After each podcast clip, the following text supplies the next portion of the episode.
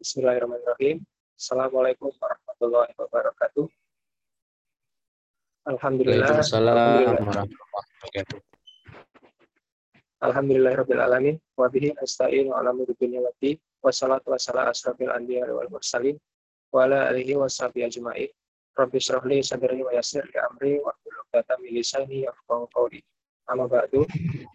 Uh, puji syukur atas kehadirat Allah Subhanahu wa taala kita dapat berjumpa kembali uh, melanjutkan daras syarah uh, cara tauhid uh, pada pertemuan yang ke-52 uh, alhamdulillah uh, semoga kita semua diberikan oleh Allah Subhanahu wa taala keistimewaan untuk terus melanjutkan uh, daras yang insyaallah bermanfaat bersama guru kuliah uh, yang sudah ada di tengah kita semua, Ustaz Walid Hasid.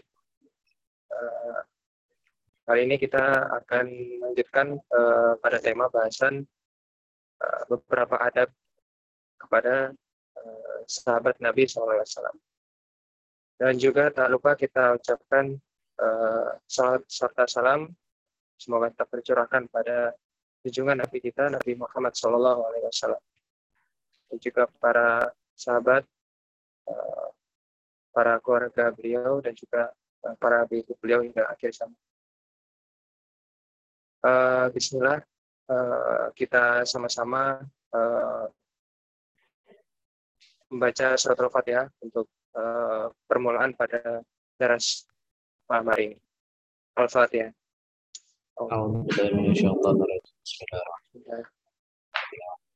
Bismillahirrahmanirrahim.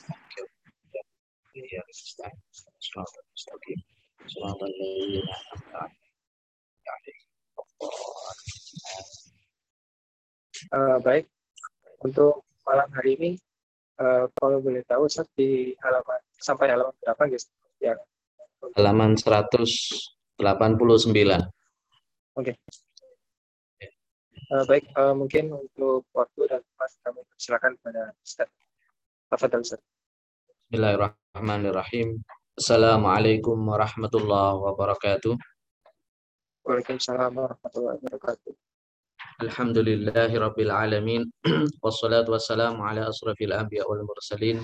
Sayyidina Muhammadin wa ala alihi wa sahbihi wa man tabi'ahum bi ila yaumiddin Rabbi israh li sadri wa yassir li amri wahlul 'uqdatam min lisani yafqahu qawli wasaddid lisani wahdi qalbi bihaqqi sayyidina Muhammad sallallahu alaihi wasallam. Alhamdulillah malam hari ini kita kembali melanjutkan pelajaran ilmu tauhid uh, yang akan membahas tentang adab-adab terhadap sahabat Nabi Sallallahu Alaihi Wasallam. ini merupakan uh, bagian daripada akidah ahlu sunnah wal jamaah yaitu menghormati para sahabat Nabi dan juga mencintai eh, keluarga-keluarga uh, Nabi atau ahlu baitin Nabi. Jadi akidah ahlu sunnah wal jamaah itu mencintai baik para sahabat maupun ahlul bait. Ya. Maka di sini akan dijelaskan tentang keutamaan sahabat ya. Dan pada pelajaran yang lalu sudah kita baca tentang kedudukan ya, kedudukan sahabat ya. Bahwasanya para sahabat itu berbeda-beda kedudukannya, keutamaannya di sisi Allah Subhanahu wa taala. Nah, di sini akan kita bahas wasabiquna fadluhum nassan urif. Ada wa fi ta'yinihim qad ikhtulif. Wa awwal tashajur alladhi warad in khutta fihi wastanibta al-hasad. Ya. Wasabiquna para sahabat-sahabat yang terdahulu dalam masuk Islam para sahabat-sahabat yang terdahulu dalam masuk Islam. Jadi para sahabat yang masuk Islam di awal-awal ya, masuk Islam terlebih dahulu fadluhum keutamaan keutamaan as-sabiqun ya, keutamaan keutamaan mereka nassan urif nassan telah tertulis dalam Al-Qur'an. Telah dinas artinya telah tertulis dalam Al-Qur'an. Keutamaan-keutamaan para sahabat ya. Yang as-sabiqun orang-orang yang lebih dulu masuk Islam. Ya misalnya Sayyidina Abu Bakar As-Siddiq termasuk minas sabiqin. Sayyidina Ali radhiyallahu anhu dan lain-lain. Itu nasun urif. Jadi urif diketahui dikenali. Jadi para as-sabiquna ya al-mutaqaddimun orang-orang yang lebih dulu masuk Islam dari kalangan sahabat itu keutamaannya telah diketahui dalam Al-Qur'an juga dalam hadis-hadis Nabi Muhammad sallallahu alaihi wasallam. Hada wa fi ta'yinihim qad ikhtilif. Hada ini wa fi ta'yinihim dalam penentuan setiap daripada as-sabiqun penentuan keutamaan daripada as-sabiqun ya masing-masing maksudnya ta'yinihim. Ya keutamaan masing-masing dari as-sabiqun itu qadih tulif telah menjadi perbedaan pendapat dari kalangan para para ulama. Wa awwalit tasyajura alladhi warad. Perselisihan pertama atau perselisihan di antara para sahabat alladhi warad yang telah terjadi sebagaimana e, tersiarkan tertulis dalam sejarah-sejarah juga bahkan dalam riwayat-riwayat. In khutta fihi apabila engkau akan mendalami mendalami apa? Perselisihan-perselisihan para sahabat itu wajtanibda al hasad hasad maka kamu hendaklah menjauhi. Jauhilah da al hasad penyakit-penyakit hasud. Ini kata Syekh Ibrahim Al-Laqani. Kemudian dalam syarahnya dikatakan wasabiquna fadluhum nassun urif. Lafat wasabiquna fadluhum nassun urif. Hadi jumlatun musta'nafa. Ini adalah kalimat permulaan. Istinaf, kalimatun istinaf ya. Itu kalimat pemulaan. Istanafa yastanifu istinafan, permulaan. Walihada lam ya'ti bi harfit tartib. Oleh sebab itu tidak datang dengan huruf uh, tartib yang menunjukkan tartib. Fasabiqun lafat sabiqun mubtadaun awal itu menjadi mubtada awal wa fadluhum mubtada tsani lafat fadluhum itu menjadi mubtada sani. Jadi ada dua mubtada di sini. Wasabiquna wa fadluhum. Wasabiquna mubtada, fadluhum mubtada.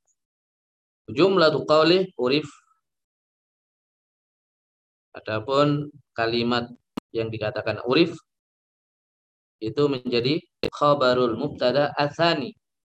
Jadi urif lafat urif wasabiquna fadluhum nassan urif. Urif adalah menjadi mubtada. Yang kedua, mubtadanya fadluhum. Wawa khaba wa khabaruhu khabaru anil mubtadil awal. Wahwa ya, urif ini dan khabarnya jadi urif dan khabarnya ya, berarti khabarnya apa? Fat, uh, apa?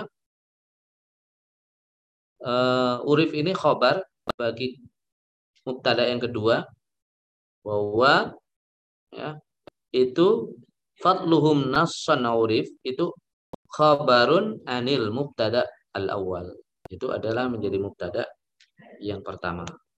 Wa nassan nassan mansubun ala nasil khafid dinasabkan ya karena untuk menarik uh, kalimat yang di uh, di majhur uh, majrurkan. Wa fi ibarati ba'dihim mansubun ala tamyiz dinasabkan karena menjadi tamyiz ya, bisa juga menjadi tamyiz wasabiquna falum nassan Kalau bahasa Jawanya apa nih nason? Wal makna adapun makna wasabiquna fadlun nassan urif.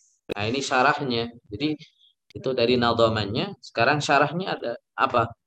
Wasabiqun yaitu al-mutaqaddimun al-awwalun. Al-mutaqaddimun orang-orang yang lebih dulu masuk Islam dari kalangan sahabat al-awwalun yang awal-awal itu Sayyidina Abu Bakar ya Sayyidina Ali, Sayyidina Utsman bin Affan. Itu fatluhum keutamaan mereka, keutamaan para sahabat yang lebih dulu masuk Islam itu bimakna kasrati sawabihim. Keutamaan mereka ini, mereka mendapatkan keutamaan tentunya. Ya. Jadi sahabat yang masuk Islam lebih dulu itu mendapatkan keutamaan yang lebih besar daripada sahabat yang di akhir masuk Islamnya. Nah, di sini keutamaan itu berupa apa? Dikatakan oleh Syekh Ibrahim, keutamanya adalah kathratu thawabihim, banyaknya pahala mereka. Ala khairihim dibandingkan dengan yang lainnya, maksudnya yang bukan mutaqaddimin. Ya, bukan yang masuk Islam terlebih dahulu. Jadi lebih dulu masuk Islam itu pahalanya besar. Ya, itu pahala bagi mereka pahala yang besar. Kasratu sawabim ala ghairihim dibandingkan dengan yang lainnya mimman lam yusyrikhum daripada kelompok-kelompok sahabat atau orang-orang yang ya tidak masuk fi hadis sifat, tidak masuk pada golongan ini, golongan mutaqaddimin, golongan al-awwalun, golongan as-sabiqun, ya. Urifa min nasil Quran. Keutamaan ini atau besarnya pahala mereka ini min nasil Quran itu sudah dinas, sudah disebut ya. Maksudnya sudah disebut dalam Al-Qur'an. Au min jihati nasil Quran atau dari segi uh, ayat-ayat Al-Qur'an. Al-Qur'an ayat Al-Qur'an yang membahas uh, keutamaan mereka apa? Yaitu surat At-Taubah ayat 100 Ya, wasabiquna al-awwaluna minal muhajirin wal ansari wattaba'uhum bi ihsanin radhiyallahu anhum wa radu'an. Itu surat At-Taubah ayat 100. Wasabiquna al-awwalun. Jadi orang-orang para sahabat yang lebih dulu al-awwal, al-awwalun yang awal-awal minal muhajirin wal ansar. Baik dari kalangan muhajirin dan dari kalangan sahabat ansar. Walladzina taba'um bi ihsan radhiyallahu anhum. Jadi Allah meridhoi mereka. Luar biasa mendapatkan ridho dari Allah dan itu sudah dinas dalam waradu'an ya, dan mereka juga ridho kepada Allah Subhanahu wa taala. Wa hada lafat hada ay ifham hada ya, maksudnya adalah pahamilah hal ini. Pahamilah bahwasanya sahabat-sahabat yang lebih dulu itu pahalanya lebih besar daripada sahabat-sahabat yang di akhir masuk Islam. Bahwa maf'ulun li mahdhuf. Ini menjadi maf'ul yang dimahdhuf, yang dihilangkan. Wa yasikhu ghairu dalik wa qawluhu wa fi ta'yinihim qad ikhtulif. Lafat wa fi ta'yinihim qad ikhtulif. Maksudnya apa di sini? Ai wa fi ta'yinis sabiqin. Qad ikhtalafa al-ulama'u. Jadi maksudnya dalam hal penentuan orang-orang yang lebih dulu masuk Islam, maksudnya personal secara personal, qadikh tulif qadikh talafa al-ulam. Para ulama berbeda pendapat tentang kedudukan keutamaan mereka. Contoh apa saja? Uh, apa uh, ikhtilaf para ulama dalam hal ini. Faqala Abu Musa al-Ash'ari radhiyallahu Berkata Abu Musa al-Ash'ari radhiyallahu anhu ghairu minal akabir dan lain dan lain-lain selain Abu Musa al-Ash'ari minal akabir dari kalangan para pembesar-pembesar sahabat. Mereka yang mendapatkan keutamaan paling besar adalah alladzina sallu ilal qiblatain yaitu para sahabat yang pernah ya bahasa Jawanya pernah menangi di sini. Itu pernah sholat eh, menghadap dua kiblat. Jadi sejarahnya dulu pertama kali kiblat um, kiblatnya umat Islam itu di Masjidil Aqsa. Kemudian Rasulullah Shallallahu Alaihi Wasallam mendapatkan wahyu petunjuk kiblatnya dialihkan ke eh, Ka'bah Syarif, Ka'bah yang mulia. Nah, para sahabat yang pernah sholat dengan kiblatnya Baitul Maqdis dan sholat dengan kiblat Ka'bah itu menurut Abu Musa al-Ash'ari adalah sahabat yang paling banyak mendapatkan keutamaan atau pahala yang besar. Ini yang disebut uh, wasabiquna uh, apa fadluhum urif. Jadi para sahabat yang pernah mengikuti sholat Nabi dengan kiblat Baitul Maqdis itu sahabat yang awal-awal, generasi awal. Itu as wasabiquna minal uh, wasabiqunal awwalun ya ay kiblatu baitil muqaddas wal ka'bah wa hadha huwa qaulul aktsar wa huwa al asah inilah pendapat para ulama yang paling banyak dan ini adalah pendapat yang paling sah paling benar ini mayoritas di mayoritas para para ulama berpendapat siapa as-sabiqunal awwalun sahabat yang awal yang mendapatkan keutamaan lebih besar daripada yang lain, yaitu batasannya mana? Maka di sini eh, pertanyaannya kan itu. Wasabiqunal awwalun. Itu sampai mana batasnya? Asabiqun al-mutaqaddimun ini. Sahabat yang lebih dulu masuk Islam, sahabat yang termasuk generasi awal Islam. Itu batasnya sampai mana? Kata Abu Musa al-Ash'ari dan ini disepakati oleh mayoritas para ulama ya dan ini adalah pendapat yang menurut mayoritas ulama adalah pendapat yang paling asah ya, paling bisa digunakan ya adalah yaitu sampai eh, batasnya adalah sampai mana sahabat yang eh, eh, kiblat itu apa sahabat yang sholat ya dengan dua kiblat itu batasnya jadi siapa saja sahabat yang pernah sholat dengan dua kiblat, maka itu adalah mendapatkan keutamaan. Itu adalah sabiqun. Setelah itu sudah bukan as-sabiqun al-awwalun. Ya. Jadi mereka ini dari kalangan muhajirin, dari kalangan ansor dan sebagainya. Itu pendapat pertama dari Abu Musa al-Ash'ari.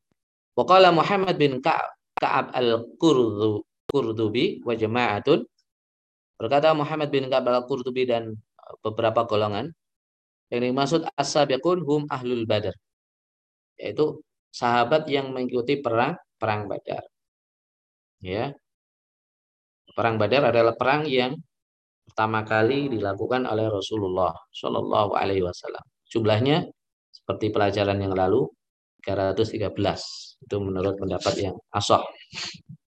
Waqala Sya'bi berkata Imam Sya'bi hum ahlu bai'atir ridwan.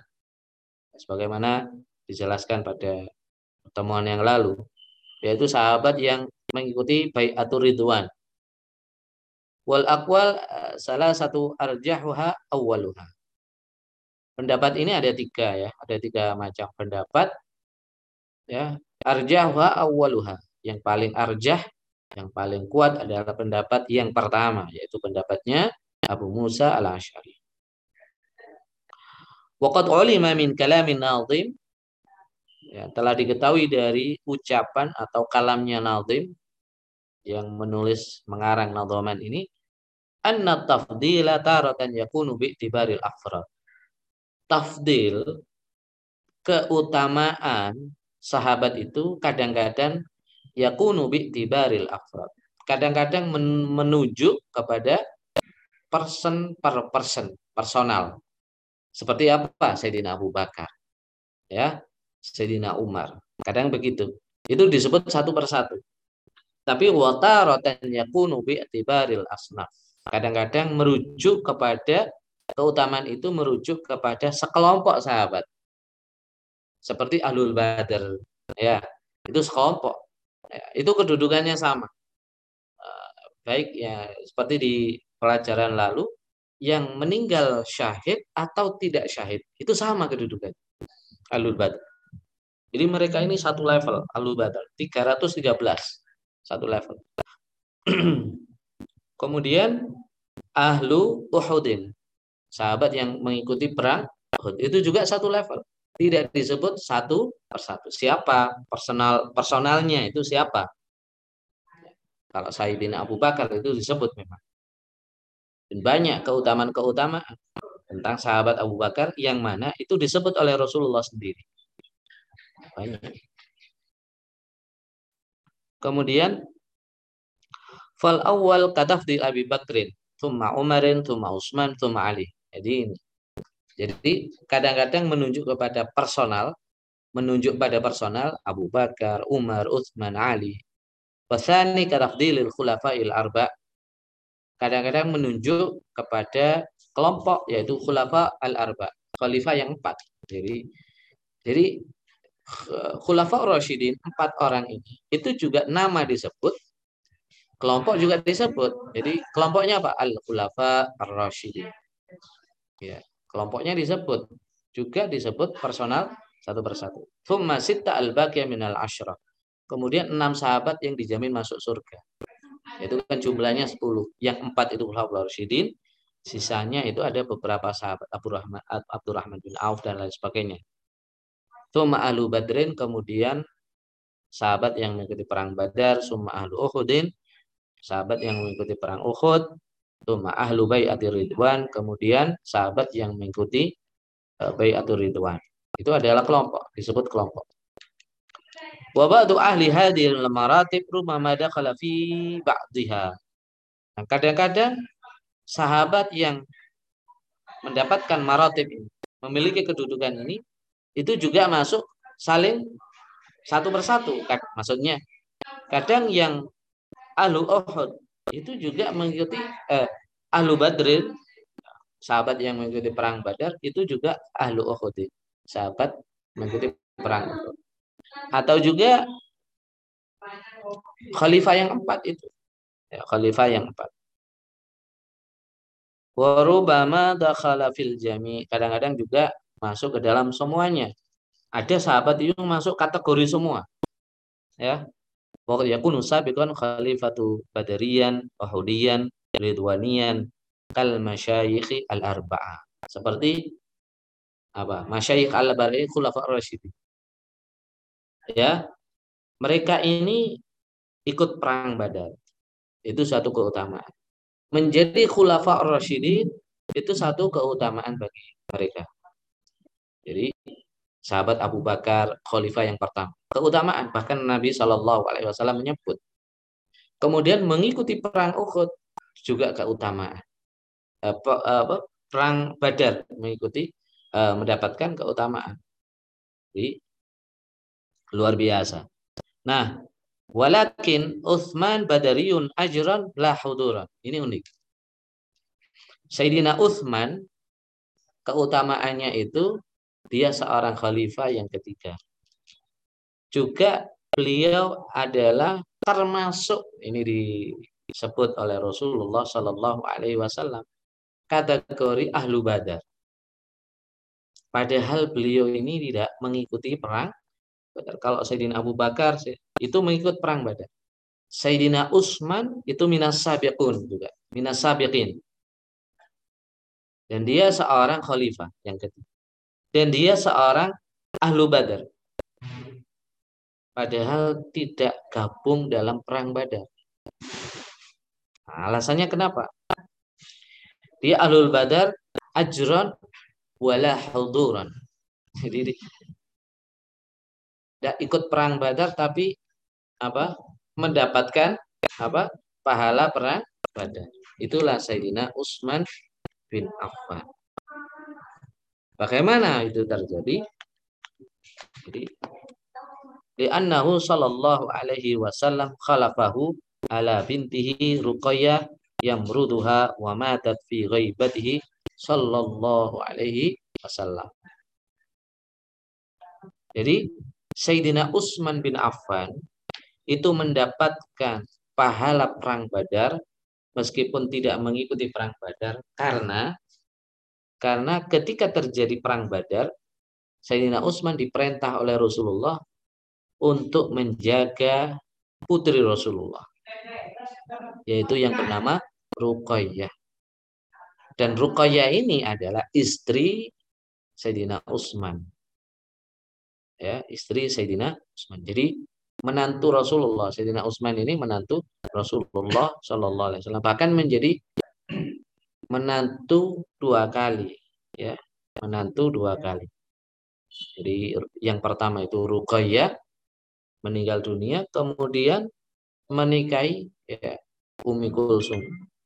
Ketika terjadi perang Badar, Rasulullah memerintahkan kepada Utsman untuk menjaga Ruqayyah yang merutuha, menjaga. Dan akhirnya Ruqayyah ini wafat pada saat perang Badar. Jadi wafatnya itu tidak ada Rasulullah di damping, tapi ada sahabat Utsman bin Affan.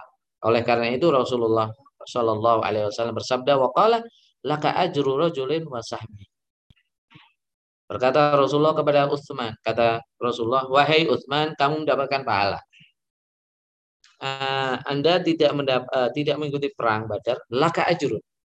Tapi Anda mendapatkan pahala. Pahala orang yang mengikuti perang Badar. Wakana Utsman radhiyallahu anhu yulaqab Nurain. Sayyidina Utsman uh, dijuluki Dzun Nurain litazawujihi bintaihi sallallahu alaihi wasallam Ruqayyah wa Ummi Kulsum. Karena beliau menikahi dua putri Rasulullah Ruqayyah dan Ummi Kulsum. Walam yu'lam ya man tazawwaja bintai nabiyyun ghairu. Oke. Okay. Qauluhu wa awwalu tasyajuril ladhi warat lafat wa awwalu tasyajura maaf bukan tasyajuri wa awwali ya di sini wa awwali tasyajura alladhi warat lamma dzakara anna suhba anna suhabahu sallallahu alaihi wasallam khairul qurun ketika dikatakan bahwasanya para sahabat Nabi itu khairul qurun sebaik-baik kurun sebaik-baik generasi. Ihtaja lil jawab amma waqa'a bainahum minal munaza'at al mawhuma qadahan fi haqqihim. Ya.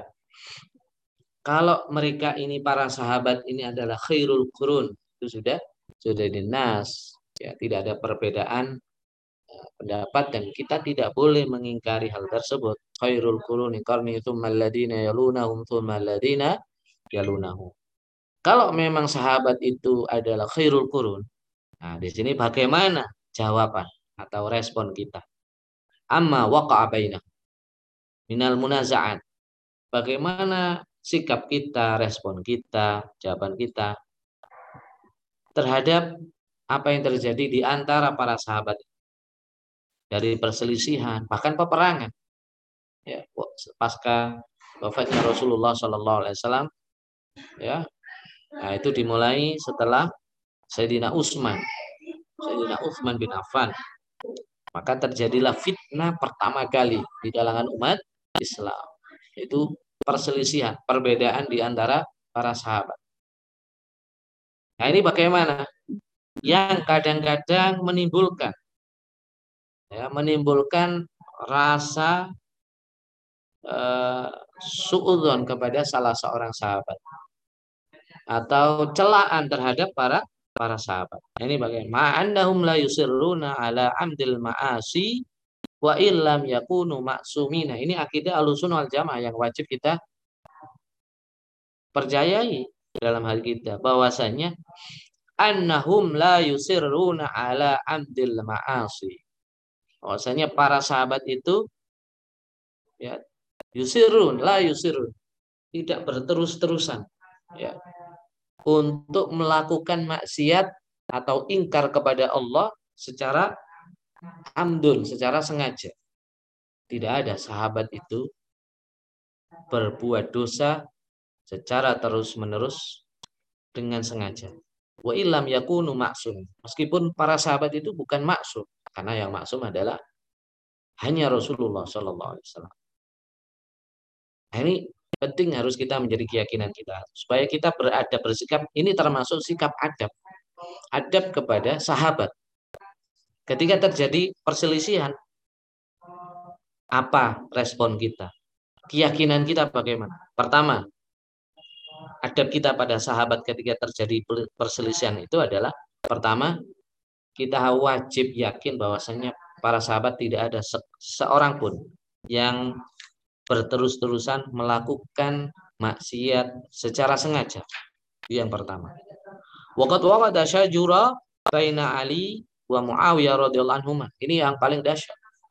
Perselisihan yang paling dahsyat antara Sayyidina Ali dengan Sayyidina Muawiyah. Waqat waqada syajura. Telah terjadi perselisihan antara Sayyidina Ali dan Muawiyah radhiyallahu anhu. Semoga Allah meridhai keduanya banyak uh, kita saudara-saudara kita salah dalam bersikap ya ya itu sejak dulu ada sikap-sikap yang keliru terhadap bagaimana ketika Sayyidina Ali dan Muawiyah ini terjadi apa berperang ya berperang ada yang sikap ekstrim mendukung Sayyidina Ali kemudian ekstrim mencela Muawiyah ada sikap ekstrim mendukung Sayyidina Muawiyah sampai kemudian mencela. Yang tidak boleh itu mencela. Meskipun salah satu sahabat itu adalah keliru pendapatnya, sikapnya. Nah, ini tidak boleh. Celaan idza ya, idaun itu celaan. Bukhdun benci. Hasadun hasud terhadap seorang sahabat. Siapa pun sahabat itu tidak diperbolehkan dalam akidah sunnah wal jamaah. Wa qad iftaraqat as-sahaba salasu firaqin. Pada masa itu. Nah, ini ceritanya kan begini. Pada masa itu para sahabat terbagi menjadi tiga pendapat. Ada tiga pendapat sahabat yang kemudian menjadi tiga kelompok. Menyikapi Sayyidina Ali dan Muawiyah. Pertama, firqatun istahadat fadhahara laha annal haqqa ma aliyin faqatalat ma'ahu. Kelompok pertama ini sahabat yaitu beristihad bahwasannya yang benar itu ada di pihak Sayyidina Ali. Kemudian mereka berperang bersama Sayyidina Ali. Ya, ini pendapat pertama. Dan ini para ulama sepakat ulama alusun wal jamaah bersepakat ketika terjadi perselisihan antara Ali dan Muawiyah, yang benar itu Sayyidina Ali. Pendapatnya Sayyidina Ali, istihadnya Sayyidina Ali, atau orang-orang yang istihadnya para sahabat yang mengikuti atau mendukung Sayyidina Ali. Tetapi membenarkan Sayyidina Ali tidak boleh mencela Muawiyah. Ini tidak boleh ya. Ya. Di kaedahnya bagaimana? ya. Majara bainahum naskutu wa majara bainas sahaba naskutu itu kaedahnya. Apa yang terjadi antara sahabat? Apa pun itu. Peperangan perselisihan ya. Ini kan dasar. Naskutu itu adab kita sebagai generasi setelah sahabat. Naskutu kita wajib untuk diam Oke, itu yang pertama. Kelompok yang kedua, firqatun izdahad fadhahara laha anal haqqa ma'a Muawiyah faqatalat ma'ahu. Kemudian kelompok kedua adalah sahabat-sahabat yang beristihad bahwasanya yang benar itu di pihak Sayyidina Muawiyah. Faqatalat ma'ahu. Kemudian para sahabat ini berperang bersama Muawiyah melawan Sayyidina Ali radhiyallahu anhu. Kelompok yang ketiga di kalangan sahabat firqatun tawaqqafat abstain diam. Kelompok ketiga adalah sahabat yang diam. Tidak mendukung Sayyidina Ali, tidak mendukung Sayyidina Utsman bin uh, Sayyidina Muawiyah dan mereka tidak mengikuti perang uh, perang itu antara Sayyidina Ali dan Muawiyah. Bagaimana pendapat para ulama? Waqad qala al-ulama berkata para ulama al-musibu bi ajraini wal mukhti'u bi ajrin namanya istihad. Istihad itu tidak ada yang salah. ah, maaf, istihad itu tidak ada yang tidak mendapatkan pahala. Yang salah itu mendapatkan satu pahala ajrun wahid. Yang benar ajrain mendapatkan dua pahala. Al-musib yang benar bi ajraini dengan dua uh, pahala. Wal mukhti yang salah, istilahnya salah. Kayak Muawiyah ini oleh para ulama disalahkan. Para ulama sepakat yang benar itu sikapnya Sayyidina Ali, istilahnya Sayyidina Ali. Muawiyah keliru. Tapi keliru mendapatkan pahala karena istihad. Jadi ini adalah istihad. Waqad syahidallahu wa rasuluh lahum bil adalah. Allah dan Rasulnya telah menyaksikan tentang sifat keadilan para sahabat. Jadi sifat adalah ya untuk para sahabat ini wajib kita yakini. Ya, kita yakini. Wal muradu min ta'wili dzalik. Ya. Yang dimaksud mentakwil hal itu bagaimana? Ayyusrif ila mahallil hasan. Adalah kita bersikap memalingkan sikap ila kepada sikap-sikap yang baik. Husnudzon itu wajib. Ya, husnudzon itu wajib. Ya.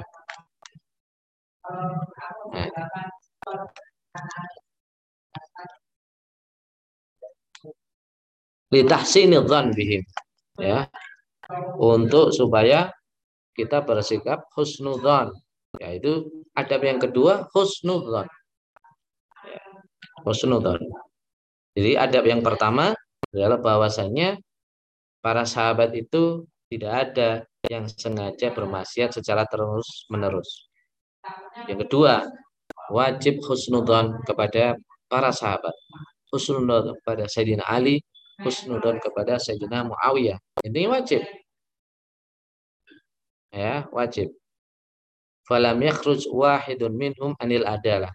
Tidak ada seorang pun di kalangan sahabat yang tidak memiliki sifat adalah bima waqa'a bainahum. Meskipun terjadi apa perselisihan itu, apa saja perselisihan perselisihan peperangan. Ya. Bahkan peperangan pun itu tidak mengeluarkan ya dari sifat adalah di annahum mustahidun karena mereka ini adalah beristihad, orang-orang yang mustahid. Itu sikap uh, apa adab yang kedua. Adab yang ketiga, qauluhu in khut in khutta fihi, lafat in khutta fihi. Ai in qadara annaka khutta fihi. Ya. Seandainya engkau ini punya kemampuan, seandainya kita punya kemampuan ya untuk mendalami perselisihan sahabat untuk mempelajari secara detail perselisihan-perselisihan sahabat wa awwalahu wala tanqus ahadan minhu jangan sekali-kali kalau kita apa ya ini hati-hati kalau kita membaca sejarah para sahabat khususnya adalah sejarah perselisihan hati-hati betul ya Hati-hati betul. Jadi banyak terjadi perselisihan setelah wafatnya Sayyidina Utsman bin Affan. Jangan sekali-kali la tankus ahadan minhu. Jangan sekali-kali mencela seseorang di antara mereka. Ya, di antara mereka. Wa inna ma qala al-musannif ah, bahwasanya pengarang me menjelaskan hal itu li anna syakhsa laisa ma'muran bil khawdi fiha jara bainahum. Ini penting. Tidak ada perintah untuk pendalaman. Nah, tidak ada perintah untuk mendalami apa perselisihan di antara para sahabat. Tidak diperintahkan untuk mendalami. Kalau kita punya kemampuan untuk mendalami, silakan. Itu maksudnya. Eh, kata Syekh Ibrahim, kalau kamu punya kemampuan untuk mendalami sejarah perselisihan para sahabat, silakan dalami ya. Tetapi ingat, la tankus ahadan minhu. Jangan sekali-kali mencela mereka. Itu itu apa? peringatannya. Karena sesungguhnya pendalaman terhadap perselisihan di antara sahabat itu tidak ada perintahnya begitu. Tidak pernah diperintahkan. Fa innahu laisa minal aqaid ad-diniyah. Bahkan mendalami perselisihan sahabat itu bukan aqaid ad-diniyah. Bukan bukan bagian daripada akidah-akidah agamaan. Wala minal qawaid al-kalamiyah. Juga bukan daripada kaidah kalam. Walaisa mimma yantafi bi fiddin. Nah, ini juga juga sesuatu yang tidak ada manfaatnya bagi agama. Tidak terlalu bermanfaat artinya begitu. Bal rubama dharra fil yakin. Bahkan kadang-kadang bisa menyebabkan bahaya dalam keyakinan. Sebab kalau kita nggak bisa jaga hati, kita pasti apa? Kalau kecondongan pasti, tapi kalau kita nggak bisa menjaga hati kita, akan terjadi pencelaan hasut terhadap sahabat atau suudon kepada sahabat. Maka di sini uh, tidak boleh ajaran ini ajaran perselisihan sahabat itu tidak boleh diajarkan untuk anak-anak. Ya, anak-anak. Ya misalnya madrasah ibtidaiyah bahkan madrasah sanawiyah itu belum waktunya mereka. Nah, ini ini ada pelajaran-pelajaran masih ada. Jadi anak itu jadi bingung. Sama-sama sahabat kok berperang ya. Jadi akal pikiran kematangannya belum bisa menangkap gitu. Ya. Oleh karena itu dilarang oleh para ulama. Ya. Fala yubahu al fihi. Maka tidak diperkenankan mendalami perselisihan ini. Illa lirraddi alal muta'assibin. Kecuali untuk menjawab orang-orang yang ta'assub. Misalnya para kelompok-kelompok Syiah dan kelompok-kelompok Khawarij. Ya, kelompok Syiah itu sangat membenci para sahabat selain Sayyidina Ali. Sangat membenci Abu Bakar Umar apalagi Muawiyah bahkan disesatkan kalau Muawiyah itu disesatkan. Termasuk orang yang sesat ya bagi menurut akidah alusun uh, akidah Syiah. Muawiyah itu sesat. Ini keliru sikap yang ekstrim. Nah kita untuk menjawab hal itu boleh kita ada pendalaman ya. Menjawab golongan khawarij yang membenci dan menyesatkan Sayyidina Ali radhiyallahu maka perlu kita ada pendalaman di sini. Jadi ada keperluan ada keperluan meluruskan orang yang keliru. Baru kita uh, ada pendalaman sih. Au ta'lim kadadrisil kutub alladhi tastamil alal asar al muta'alliqa atau untuk kepentingan belajar. Membaca kitab ya kan? Seperti kita ini baca kitab. Itu boleh kita baca. Boleh kita pelajari ya tapi tidak untuk di diperdalami artinya diperdalami diulang-ulang disebut nggak perlu ceramah membahas perselisihan Sayyidina Ali dan Muawiyah tidak perlu. Ini biasanya ceramah-ceramah orang-orang Syiah biasanya kayak gitu. Ya. Kalau alusunnah al jamaah para ulama kita para salaf-salaf alusunnah tidak pernah mengajari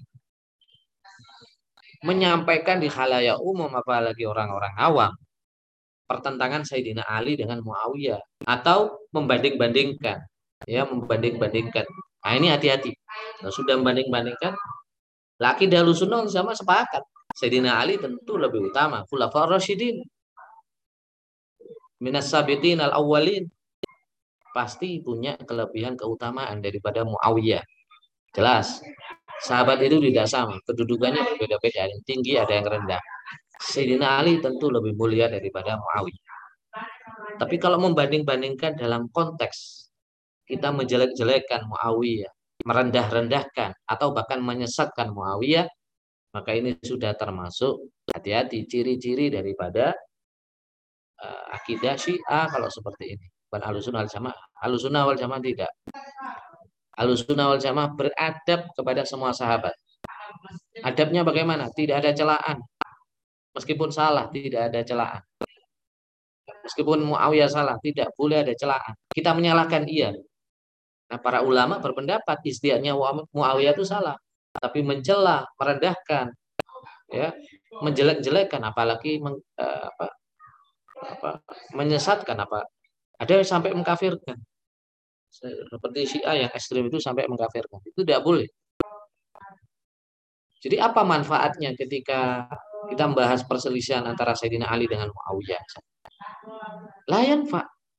Gak ada manfaatnya. Lebih baik kita menteladani kebaikan-kebaikan daripada sahabat. Muawiyah ada kebaikan. Jadi setiap orang yang ada status as-sahabat bahwa fadlun. Pasti di situ ada fadl, keutamaan. As-sahaba fadlun. Nah ini gelar as-sahaba tidak hilang dari Muawiyah radhiyallahu anhu. Tidak hilang. Makanya di sini untuk kepentingan belajar boleh. Wa amal awam fala yajuzu lahum al. Adapun orang awam tidak boleh mendalami hal demikian. Ya, lisyid dari jahlihim karena awam itu tidak punya pengetahuan. Wa adami ma'rifatihim bitakwil. Tidak punya apa ilmu untuk mentakwil hal ini. Sehingga bisa jatuh pada suudzon. Dari suudzon jatuh pada celah dari celah merendahkan, menyesatkan dan sebagainya. Waliyadzubillah. Qalu wastanib da al hasad. Da al hasad. Jauhilah penyakit hasud. Ay watruk ujuban fi khawdika fi ma syajara bainahum daun huwa al hasad. Tinggalkanlah. Nah, ini perintah. Tinggalkanlah, wajib meninggalkan, wujuban dengan wajib. Wajib meninggalkan apa? Mendalami perselisihan di antara para sahabat. Karena hal itu adalah daun. Itu penyakit. Penyakit hasud wal itu falil bayan in uridada al maknawi yang di sini adalah penyakit maknawi. Bukan penyakit penyakit apa sakit badan. Awil hasad asyabih beda hasud itu diserupakan dengan penyakit ya Wal muradu yang dimaksud daul hasad, penyakit hasad al hamil al mail ma'ahadi tarafaini ala wajhi ghairi. Apa kecenderungan kepada salah satu seseorang dari kelompok itu dari segi tidak sakit, ya taasub kepada salah satu. Tidak boleh seperti itu. Wa sallallahu alaihi wasallam Allah Allah fi ashabi. Ya. Allah Allah ya, fi ashabi. Jagalah perkara sahabatku kata. Wala tattakhidum ghardon min ba'di. Jangan jadikan para sahabatku ini sasaran setelah aku meninggal kata Rasulullah. Ini pesan Rasulullah. Min adahim man adahum faqad adan barang siapa yang menyakiti mereka itu sama saja menyakiti aku wa man adani faqad adallah barang siapa menyakiti aku sama saja itu menyakiti Allah artinya melawan Allah Wa man adallah yushik ayyakhudahu. Kalau sudah melawan Allah, menyakiti Allah, maka hampir-hampir ya sudah balasannya di neraka. Jadi hati-hatilah, takutlah kepada Allah tentang masalah sahabat ini. Ya, hati-hati kita membahas kisah-kisah perselisihan para sahabat. Yang paling penting bagi kita adalah membahas keutamaan sahabat. Apa yang bisa kita ambil dari kisah para sahabat yang mana ibadah kita itu tidak ada apa-apanya dari sahabat. Sahabat sejak se, apa, serendah apa pun kedudukannya di antara mereka itu kita tidak ada apa-apanya karena mereka adalah orang yang pernah melihat Rasulullah. Orang yang pernah menatap wajah Nabi Shallallahu Alaihi Wasallam. Setiap orang dari kalangan sahabat yang pernah menatap wajahnya Nabi akan mendapatkan asar atau apa? Akan mendapatkan bekas cahaya itu. Dan cahaya itu akan tetap bersinar sampai nanti hari kiamat. Ketika nanti di akhirat bekas-bekas itu masih nampak dalam wajah-wajah dalam tubuh para sahabat itu karena itu adalah bekas daripada sinar para sahabat. Nah, kita tidak pernah berjumpa dengan sahabat tidak mendapatkan bekas-bekas apa sinar itu. Para sahabat menatap Rasulullah yang mendapatkan sinar daripada Rasulullah ya sampai Sayyidina apa Al Imam Abu Hanifah itu seorang imam ya imam mustahid ya, imam fikih. Beliau pernah mencari seorang sahabat untuk mencari hadis. Jadi memburu hadis mencari sahabat. Sahabat yang dicari ini umurnya sudah sepuh. Sudah sepuh. Singkat cerita sampailah uh, Imam Abu Hanifah ketemu dengan sahabat ini. Lalu minta dibacakan hadis. Hadis ini hadis bacakan aku hadis kata Imam Abu Hanifah. Maka dibacakanlah hadis oleh seorang sahabat ini kepada Abu Hanifah. Setelah itu Abu Hanifah mencium berkali-kali kening sahabat. Mereka umur eh, sahabat ini sudah sepuh umurnya. Dicium berkali-kali. Apa kata Abu Imam Abu Hanifah? Wajah ini terkena asar. Ini bekas sinar daripada cahaya Rasulullah Sallallahu Alaihi Wasallam. Maka aku menciumnya supaya mendapatkan asar supaya mendapatkan bekas itu. Nah ini mahal harganya. Oleh karena itu tidak main-main. Sahabat itu tidak main. Fi wala tasubbu ashabi. Jangan engkau apa mencela sahabatku. La tasubbu ashabi. Paman sabba ashabi falaihi laknatullahi wal malaikatu wan nasi ajmain. Barang siapa mencela sahabatku maka dia akan dilaknat oleh Allah, malaikat dan manusia seluruhnya. Laknatnya kapan? Nanti di akhirat. Di hari pengadilan di hadapan manusia seluruh dunia. Layak balullahu minhu sorfan wala adla. Gugur semua pahalanya. Kalau mencela sahabat, habis sholatnya, puasanya, zakatnya, sedekahnya. Layak balullahu minhu sorfan wala adla. Tidak akan apa diterima oleh Allah pahala wajib dan sunnah. Ya, wa maklumun jawazu la'ni ghairil muayyan minal usul. Ya, telah diketahui bahwasannya eh, boleh melaknat selain orang tertentu itu adalah uh, minal usat termasuk maksiat ya. Wallahu alam. Sallallahu alaihi sayyidina Muhammad wa ala alihi wasallam. Subhana rabbika rabbil izzati amma yasifun wa salamun alal mursalin walhamdulillahi rabbil alamin.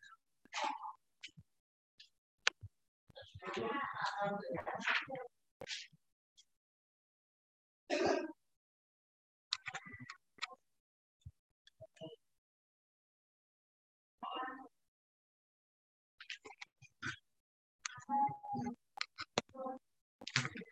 Silakan Teguh. Suaranya ada ini.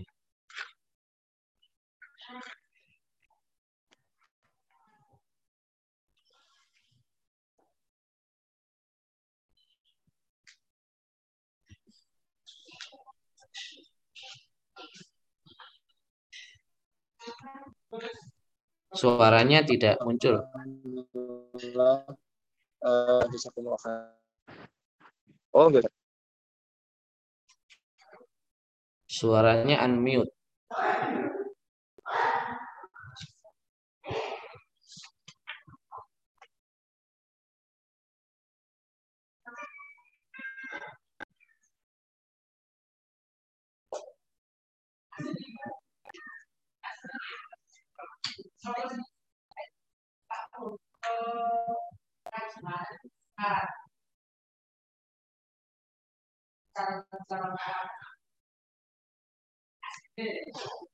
Uh, silakan yang angkat tangan itu silakan. Yang mau tanya tak nampaknya yang angkat tangan. Siapa itu? Adhan Mahdi silakan. Ya silakan. Assalamualaikum warahmatullahi wabarakatuh. Assalamualaikum izin bertanya Ustadz yang berkenaan dengan Khawarij pertanyaan saya uh, pada apakah Khawarij itu termasuk daripada sahabat Suaranya terputus. Terputus-putus.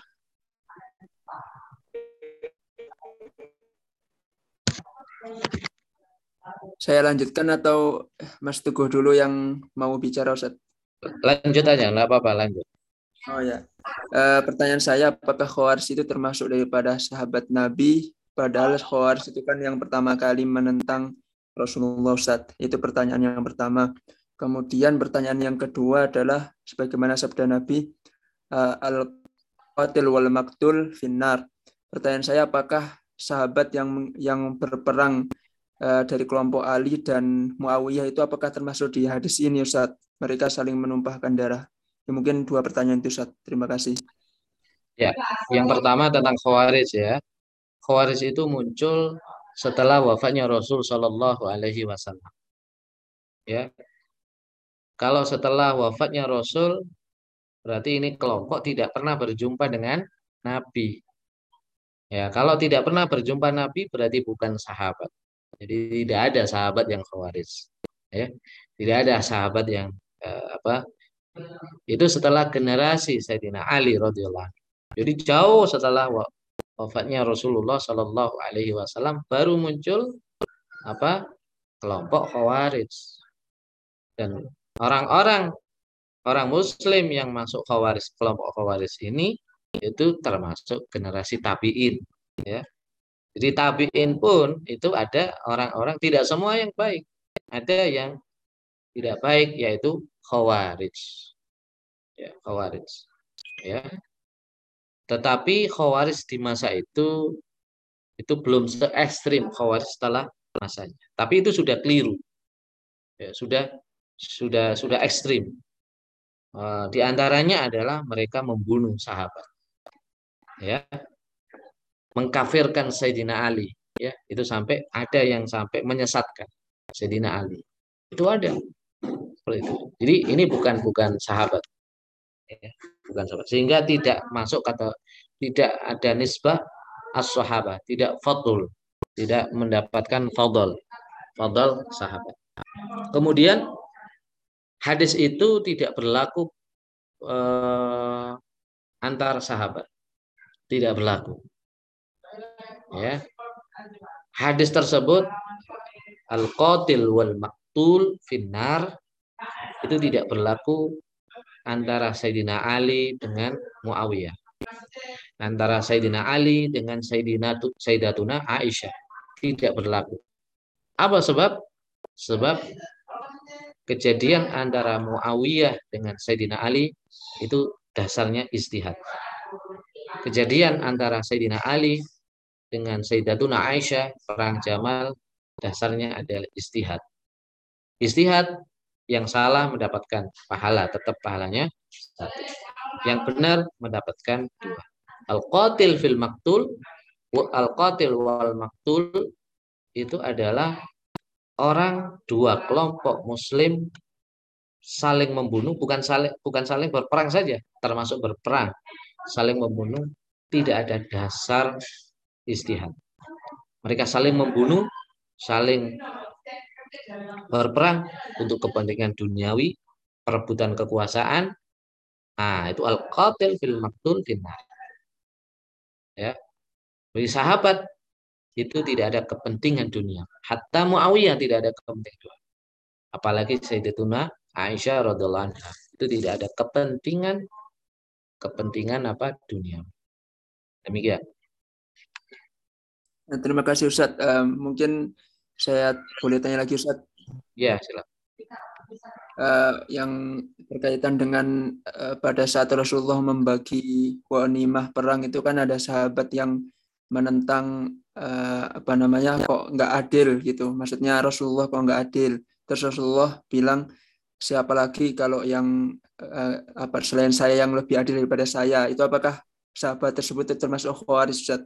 Uh, soalnya saya pernah mendengar uh, dari beberapa asatid yang yang berbicara bahwa yang mengatakan bahwasanya pertama kali khawarij muncul dari kalangan sahabat itu saat yang mempertanyakan keadilan Rasulullah. Apakah itu termasuk khawarij atau bukan, Zat? Terima kasih. Oh, tidak tepat. Tidak tepat itu. Tidak ada. Hmm. Jadi tidak zam, selama ada Rasulullah tidak ada kelompok-kelompok waktu itu. Ya, tidak ada. Tidak ada kelompok-kelompok. Jadi kelompok-kelompok itu di kalangan umat Islam tidak ada. Nisbat nisbat pengkelompokan, pengkategorian itu tidak ada. Tidak ada. Kalau bibit-bibit ada, tapi pengkelompokan tidak ada. Khawarij, Syiah, itu tidak ada. Bahkan Syiah pada masa perang Sayyidina Ali itu bukan Syiah seperti sekarang. Itu Syiatu Ali adalah pendukungnya Sayyidina Ali di situ. Ya. Jadi itu tidak ada. Zaman Rasulullah tidak ada pengkategorian, pengkelompokan tidak ada. Semuanya adalah sahabat, semuanya adalah muslim. Muslim orang Islam tidak ada pengkategorian itu.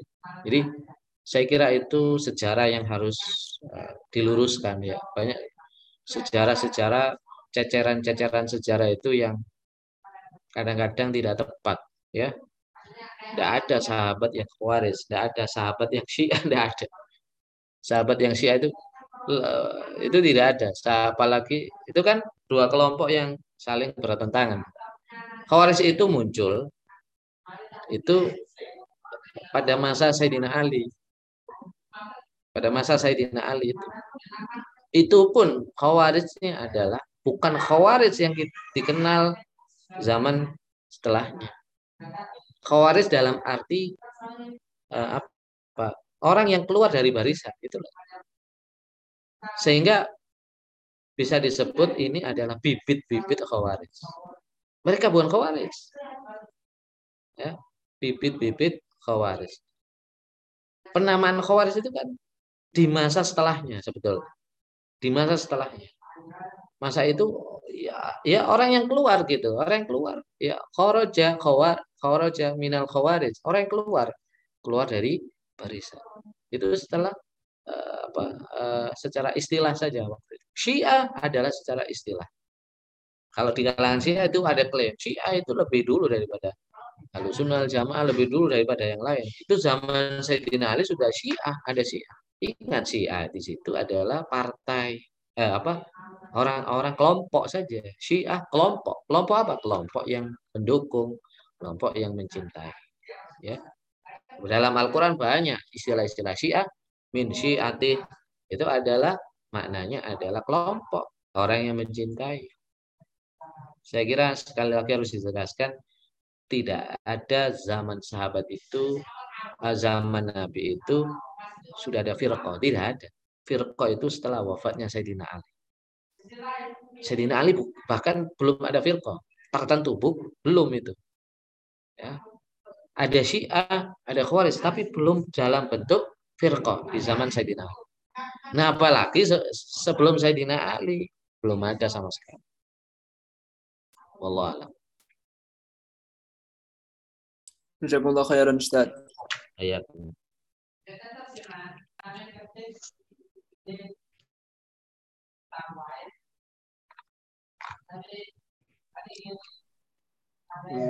Ustaz. Tadi terputus. Mohon maaf. Oh ya. Nah. Uh, baik. Bagi Bapak Ibu dan teman-teman sekalian barangkali ada yang ingin bertanya lagi.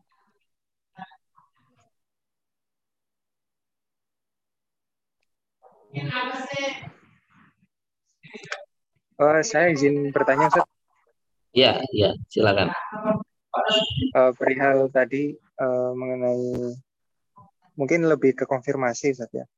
Jadi yeah, tadi yeah. disebutkan uh, perselisihan antara uh, Sayyidina Ali dan Sayyidina Muawiyah itu kan uh, disebutkan tadi tidak termasuk dalam uh, kategori uh, apa pada bahasan akidah maupun kalam.